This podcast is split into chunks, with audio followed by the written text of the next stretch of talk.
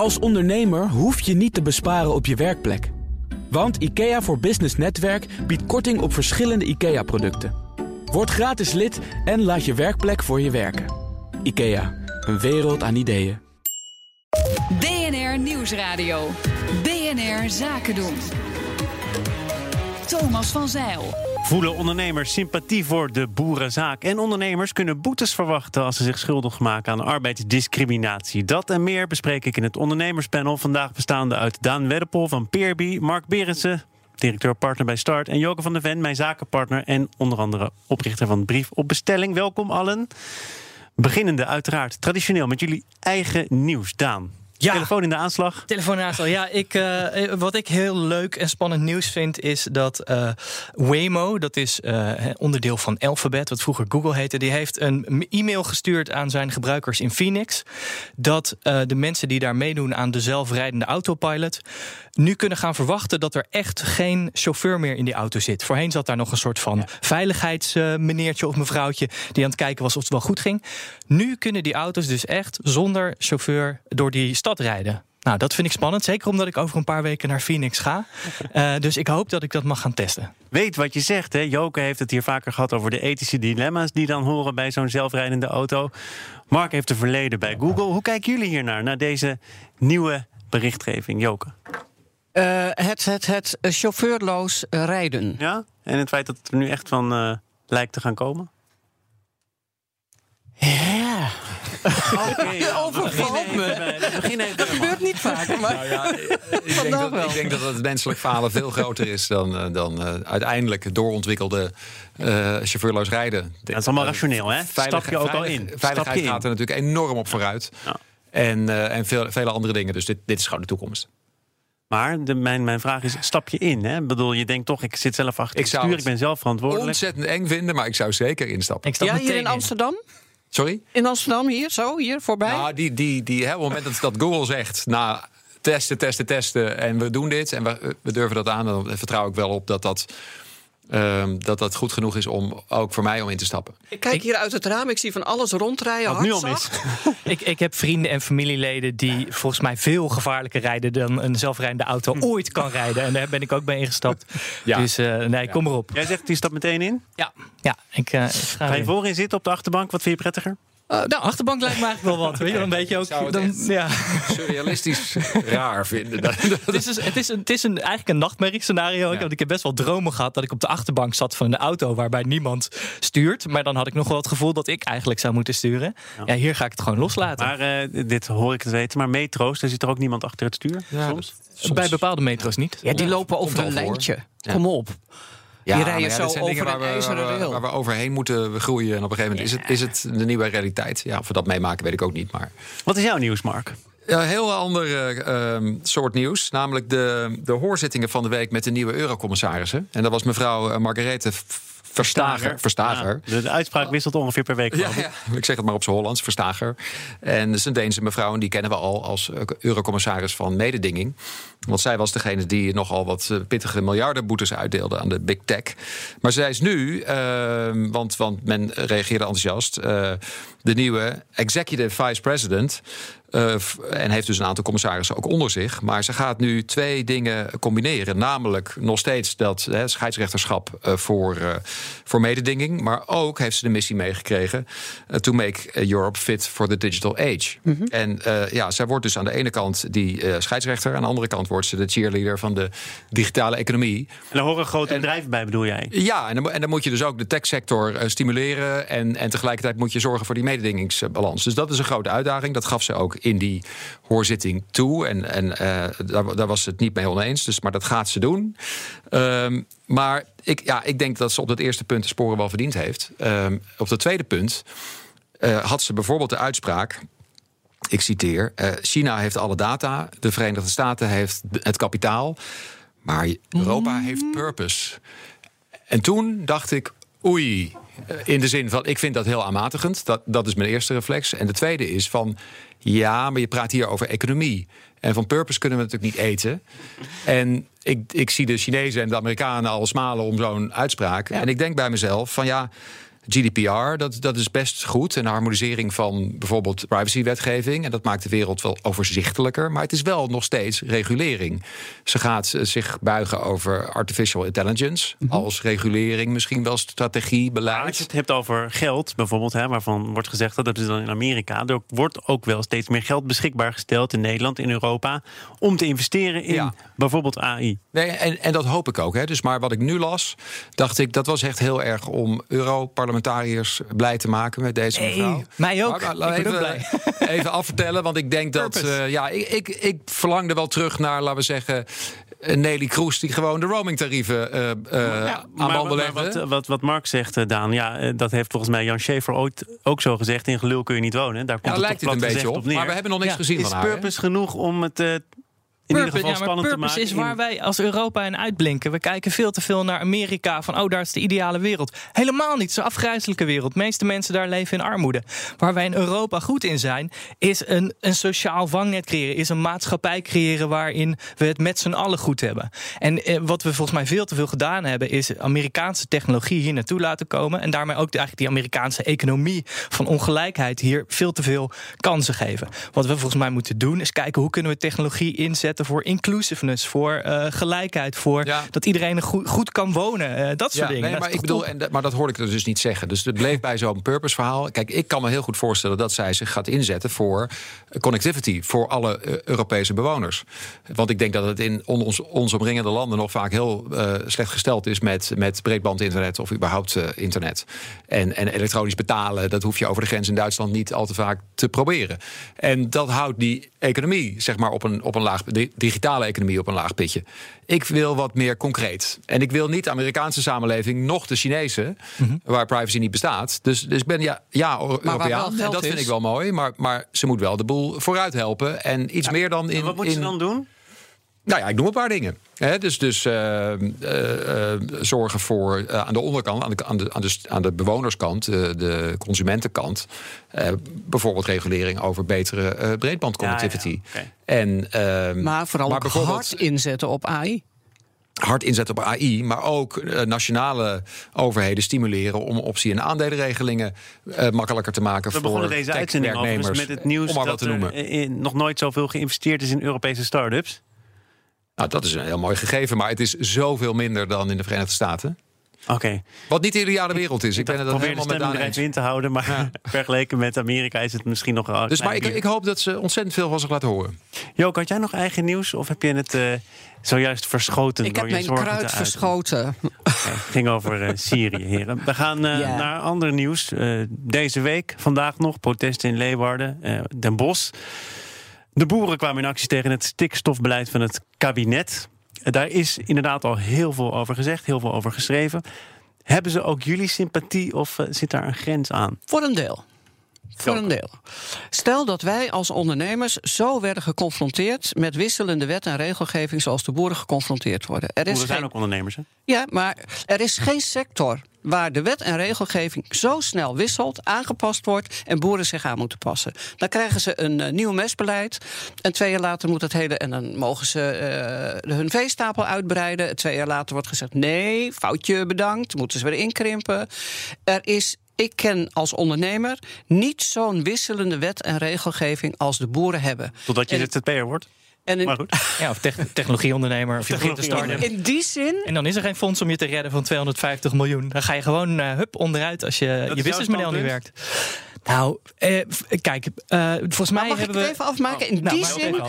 vind ik dus echt, als je met zulke eh, wisselend, wisselend overheidsbeleid te maken hebt, dat je een punt hebt dat je zegt, en nu is de druppel overgelopen met de uitspraak van eh, de VVD of de D66er, de veestapel moet gehalveerd worden. En daarmee heeft hij de knuppel in het hoenderhok gegooid. Die is niet eens erg, want er moet wel wat gebeuren. Maar dat was één. Dus een daar begrip voor. Wat dat betreft heb je daar begrip voor. De andere kant is. Want ik zei, er zit een grens aan. Toen zei jij, ik heb daar voor een deel sympathie voor, voor Ja. een ander deel dus niet. Nee, En wat, waarom dan niet? Nou, ze zijn ook gewoon ondernemer. En de meeste ondernemers, de boeren, eh, hebben het niet zo slecht hoor. Helemaal niet inderdaad. Echt niet. Dus Nee. in Zullen, die grote, zin zullen moeten grote ze, verschillen zijn, denk ik. er zullen grote verschillen zijn, maar de meesten hebben een een beter gevulde buidel dan de gemiddelde Nederlander. Laat ik het zo zeggen. Echt. Ja, ik denk dat ze vooral een hele goede lobby hebben. die ervoor zorgt dat zij echt als, als underdog uh, gezien worden. Maar uh, Nederland is het meeste voedsel-exporterende land uh, in de wereld. Dus als, een, ze zeggen van ja, maar dat is nodig voor het Nederlandse eten. Nou, kennelijk is er niet zoveel nodig dat we het allemaal binnen de landsgrenzen hoeven te houden. Dus het is, het is een industrie en die hebben een hele goede lobby. en die verdienen een hele goede boterham. ik, ik zag net nog een, een artikel waarin stond dat van de meeste uh, of dat de meest voorkomende uh, beroepstak binnen de miljonairsgezinnen is de landbouw. Ja, ja hangt er een beetje vanaf wat, wat je meerekent. Hè? Want ja. de boerderij is natuurlijk uh, alvast wat duurder. Ja, ik, ik, ik, kijk er wel best anders naar. Ik vind dat we in een hele rare um, situatie zijn beland. doordat de rechter zich heeft uitgesproken over het houden aan beleid. Dat, dat is op zich natuurlijk wel iets wat, ja, wat de overheid moet doen. Okay. Maar we, zijn dus, uh, we hebben dus een, een beleid over bio uh, diversiteit. Want daar gaat het over. Dus de hoeveelheid plantjes en diertjes. En dat is Circulaire economie. Een heel, heel, uh, landbouw. Heel belangrijk thema. Maar het gaat nu ten koste van mensen die. Uh, een entree op de woningsmarkt moeten maken. Dus jonge mensen voor, voor wie bouwprojecten nu stilgelegd worden.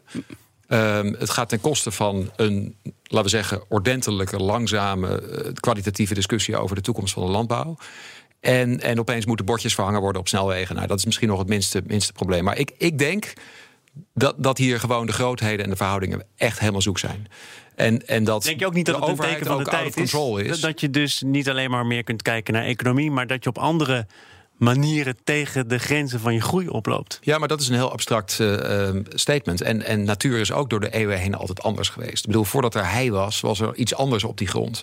Dus ja, dat daar nu. Maar, nee. Nee, nee, ik zeg niet dat we, dat we het milieu moeten verpesten. Maar laten we, laten we één ding zeggen: stikstof is geen gif. En ik denk dat de half, half Nederland nu denkt dat stikstof gif is. Door, door de discussie en door, mm -hmm. door het rare uit de hand gelopen. Stikstof is mest. Ja, maar kijk, niks, niks, is een gif totdat je het in hele grote hoeveelheden op een plek krijgt waar het eigenlijk niet thuis hoort. En wij lijden echt aan economische obesitas. We zijn te dik. De, de, door de, de, wat we economisch allemaal gepresteerd hebben, hebben we echt fantastische dingen gecreëerd. Maar we zijn nu gewoon onze, uh, uh, onze vaten staan op knappen. We, staan, we gaan een hartinfarct ja, en het, vereist dus een, gaan... een regering die met balans zeg maar, de toekomst uitstippelt. En, en niet een regering die een een of andere natuur, natuurwet heeft geponeerd waar ze zich eigenlijk niet aan hielden. En dat de wet dat de rechter dat dan moet afdwingen. Wat natuurlijk op zichzelf al heel gek is. Ja. En, en, en waardoor alles nu in de paniek schiet. En daar zijn de boeren nu de dupe van. Ja. Nou ja, wat ik wel vind, kijk, ze zijn nogal uh, machtig. Ik bedoel, die trekkers, dat zijn gewoon een soort tanks. Dus het is nogal ja. wat. Maar ja, dat en ze nu... boffen maar. Ik zou willen dat er voor falende start-ups een fonds van 250 miljoen werd ingesteld. Dat zijn wel fondsen voor start-ups. Ik, ik, ik, ik, kom hierbij. Nee, falende start-ups ja, heb ik het over. Ik kom op voor de, voor de huizen die gebouwd worden, waarvan de projecten nu stil liggen. En dat zijn geen mensen die zich in trekkers op het binnenhof kunnen melden. En dat is Nee. echt ontwrichtend voor de maatschappij. Ja. Ik ga, ik ga deze discussie even ontwrichten. Het is helemaal goed. En ontwrichting betekent in dit geval ook beëindigen. Om zo meteen door te gaan met deel 2 van dit ondernemerspanel. BNR Nieuwsradio. BNR Zaken doen. En te gast is een zeldzaam eensgezind ondernemerspanel. Daan Weddepol van Peerby, Mark Berendsen van Start... en Joke van der Ven van Brief op Bestelling. We gaan praten over arbeidsdiscriminatie. Tamara van Ark, de staatssecretaris, wil dat gaan aanpakken. Dan gaat het met name over het personeelsbeleid. Werkgevers en uitzendbureaus die discrimineren... kunnen, als het allemaal doorgaat, straks een boete verwachten van 4500 euro. Laten we even positief beginnen, Mark. Want dat discrimineren dat vindt nog altijd uh, wel plaats. Maar het is aanzienlijk minder dan een paar jaar terug kwestie van krapte op de arbeidsmarkt? Ja, ik denk het wel. Ja, ja. ja ik denk niet dat we zoveel be betere mensen zijn geworden in de tussentijd. Dus uh, als het op die manier beter gaat, is dat misschien ook te, te prijzen. Um, maar uh, discrimineren mag niet, hè? Mag al heel lang niet. Nee, dat staat ook in de wet. Dus, uh, maar, maar ik denk dat, dat de huidige wet niet voorziet in dit probleem, omdat je dan als individu moet zegt, zeggen: ik ben gediscrimineerd. En, en dat aanhangig maken, nou, dat gaat misschien niet zo heel en dat veel bewijzen. Doen. En bewijzen. De bewijslast is maar enorm nu moeilijk. willen we het gewoon uit de structuur van recruitment hebben. En daar valt wel wat voor te zeggen. Ja. En de, de maatregelen dan, daar kun je denk ik een goede discussie over hebben. Nou, gelukkig, daar zijn jullie ook voor Ja. hier. uh, Joke, jij bent natuurlijk ook specialist op dit uh, vlak. Ja, wij merken, wij hebben heel veel uh, bestellers bij ons, bij brievenbestelling, die uh, uit Turks-Marokkaanse afkomst hebben. cv's, brieven bestellen. En dan vaak de vraag stellen: zal ik de naam veranderen? En wij consequent het advies geven: don't do it. Gebruik je eigen naam, kom ervoor uit. Dat is hetzelfde als mensen die ouder zijn. Van ik laat mijn, uh, mijn uh, geboortedatum weg op een cv. En dan zeg ik wat een onzin. Mensen gaan terugrekenen. Alles wat je weglaat, roept vragen op. Niet doen. Kom ervoor uit. Maar de reden dat ze dat natuurlijk vragen aan jou is dat ze uit ervaring weten dat de kansen slinken op het moment dat ze inderdaad hun werkelijke naam gebruiken. Dat kan. Dat lijkt mij althans, dat toch? Kan. Dat is ook het onderzoek van sociale zaken volgens mij. Ja. Uh, wanneer uh, ja. iemand. Ja, dat hebben ze zo getest. Ja, ja. ja. Dat, dat is op zich heel natuurlijk heel kwalijk. Ja. Dat vind ik echt. Uh, weet je, je moet je voorstellen als je in een land woont. Stel maar dat wij in, in Turkije zouden wonen. En we solliciteren en we hebben echt hele goede kwaliteiten. En we solliciteren, maar we hebben een Nederlandse achternaam. Dus wij komen onder op het stapeltje te liggen. Dat werkt frustrerend. En als je dat met je Nederlanders in de buurt daar gaat delen, dan krijg je wel ja. een soort kliek van wij worden echt gediscrimineerd. Dat is echt fout. Maar toch dat doen we ik niet goed. Dat, dat, dat nu, hè, want wat we wel gehoord hebben is dat er een boete komt. En wat we ook gehoord hebben dat het beleid moet worden aangepast. Ja, werkgevers en uitzendbureaus moeten aangeven wat zij doen ja. om het allemaal te en, voorkomen. En ja. ik zou zeggen, maak het ook hier weer concreter. Wat je bijvoorbeeld kan zeggen, is dat je ten alle tijde uh, geslacht, leeftijd, naam, misschien zelfs wel foto uit een cv moet halen in je, uh, in je application tracking system, waar al die uh, He, waar, waar cv's verschijnen voor, voor de interne organisatie. Het is eigenlijk een zeer belangrijk deel van je identiteit, namelijk je naam, je leeftijd, je geslacht. Dan word je een object in plaats van een nee, subject. Nee, nee, waar je naartoe gaat is dat je mensen op. Dat lijkt me eigenlijk is recruitment met een cv nou, relatief ouderwets. Hè? Je moet natuurlijk mensen op, op capaciteiten en, en skills assessen. En er zijn ook, zijn ook uh, uh, hele mooie technische oplossingen voor. Die zijn niet voor elke baan, voor elke industrie even relevant, maar wel voor bijvoorbeeld winkelmedewerkers of bijvoorbeeld customer service agents. Uh, daar heb je helemaal geen naam of, of, of geslacht van iemand nodig om, om, om goed te kunnen beoordelen of iemand dat kan. En dan voorkom je wel in de kern bias. Korte reactie van Joke, daarna naar Daan. Nou ja, wat ik je zei. Je reduceert een mens, een subject, tot een object. Dus dat zou ik nooit willen. Hier staat iets, een ding. En die heeft eigenschappen en vaardigheden. En nee, maar die zie je natuurlijk nog voordat je die aanneemt. Hè? Dat is niet zo. Maar je, ja, het, gaat om de eerste om de, selectie. De eerste selectie. En me, mensen zijn biased. Iedereen kan het ontkennen en zeggen: nee, maar ik niet. Mensen hebben dingen in hun, in hun uh, uh, ervaringen waardoor een bepaalde bias er is. En dat hoeft nog niet echt discriminatie te zijn, maar het mondt wel uit in discriminatie. Fair play. Blijf ik voor. Daan. Ja, nou, ik, ik weet niet of ik het eens ben met uh, de oplossing. Ik vind het wel goed als er maatregelen komen om discriminatie tegen te gaan. Ja. Uh, maar ik ben het ook met Joke eens dat een mens is, een, is meer dan een, uh, een opsomming van uh, vaardigheden en vorige banen. Um, ik, zou wel een, echt een onderscheid maken tussen organisaties die, uh, die zich richten op recruitment. Dat je zorgt dat die, die moeten het gewoon echt allemaal op orde hebben. Dat is hun, core business. Uh, zorg ervoor dat, dat, je, uh, dat je van tevoren al heel duidelijk kan aangeven waarom je niet discrimineert. Ik denk als je bij iedere organisatie gaat vragen dat ze daar klaar voor zijn. Dat je ook hele kleine bedrijfjes het heel moeilijk maakt die, uh, uh, nou ja, die zo'n 4.500 euro echt niet kunnen ophoesten. Nee, en dat dan er... moet je maar niet discrimineren. Nee, ja, maar kijk, het, het gevaar van een, van een wet waarbij je ja. zegt het, je moet het klaar hebben, is dat, uh, dat er ook een, een witte meneer naar je toe kan komen en die kan zeggen: Haha, ik wil jou pesten. Ik ga zeggen dat jij discrimineert. En ga je, maar eens, ga, ga je maar eens even helemaal laten doorlichten door iemand die dat checkt. Dus een regelgeving kan soms gebruikt worden als middel om kleine bedrijfjes heel veel werk te laten nee, doen. Ik maak een beetje bezwaar tegen als je het beleid maar hebt. Wat is dan goed beleid? Wat is dan niet goed beleid? Nee, we hebben beleid. Oh, u heeft beleid. Nou, fantastisch. He, dus dat is een beetje zo'n ISO-certificering. Dat is niet uit wat je opschrijft als je het maar op, hebt opgeschreven. Ja? En uh, wat mij betreft uh, zou het moeten gaan om... jongens, dit, dit voorkomt discriminatie. En op jullie punt hè, van de mensen reduceren uit een cv, daar, daar ben ik ook gevoelig voor. Want mm-hmm. ik wil ook met de mensen praten. Maar het gaat over de selectie. Dus wie ga ik uitnodigen? En als daarin blijkt dat we of een mannetje of een vrouwtje niet, of een jong of een oud persoon niet, of een minderheid of een. En niet, niet uitnodigen, dan zit daar het probleem. En dat kun je dan wel in de, bij, de, bij de kern aanpakken. En daarna zie je natuurlijk een mens in zijn volledigheid. Maar die heb je wel geselecteerd om te komen op basis van de merites. Dus jij, ja, Joke? Hebben jullie elkaar toch nog ergens gevonden in het midden of niet? Uh, nee, dat denk ik nog niet. Ik, ik weet niet of, of ik dat zou doen. Ik, ik geloof ik uh, heb er niets bij als ik een cv krijg en een brief van iemand waar geen gegevens op staan. Ik weet niet of de man, vrouw, jong, oud. Want ik wil weten, past het in het team? Uh, weet je. Uh, maar daar kom je dus achter op een later moment. Natuurlijk. En ik, en ik weet ook niet of je het allemaal moet weglaten tegelijkertijd. Maar be- begin eens met de naam of begin eens met de foto. En ehm, eh, ja, Ik wist niet eens dat dat moest, de foto. Is dat de reden dat ik nog veel BNR mensen. En dat is ook het eerste wat ik altijd opzoek bij iemand. Ik ga naar zijn LinkedIn en ik heb, ik heb het Daarom liefst staat ook een persoon. tegenwoordig ook een foto op een Maar we hebben het cv. hier over, over, laten we zeggen, schaal. Hè? Ik Bedoel, Hoe kunnen we dit op Ja, ja, schaal ja, beter maken? Het is, eh, ik denk, heel goed dat er over gesproken wordt. En ik denk heel goed dat het bedrijfsleven er heel sterk van doordrongen is.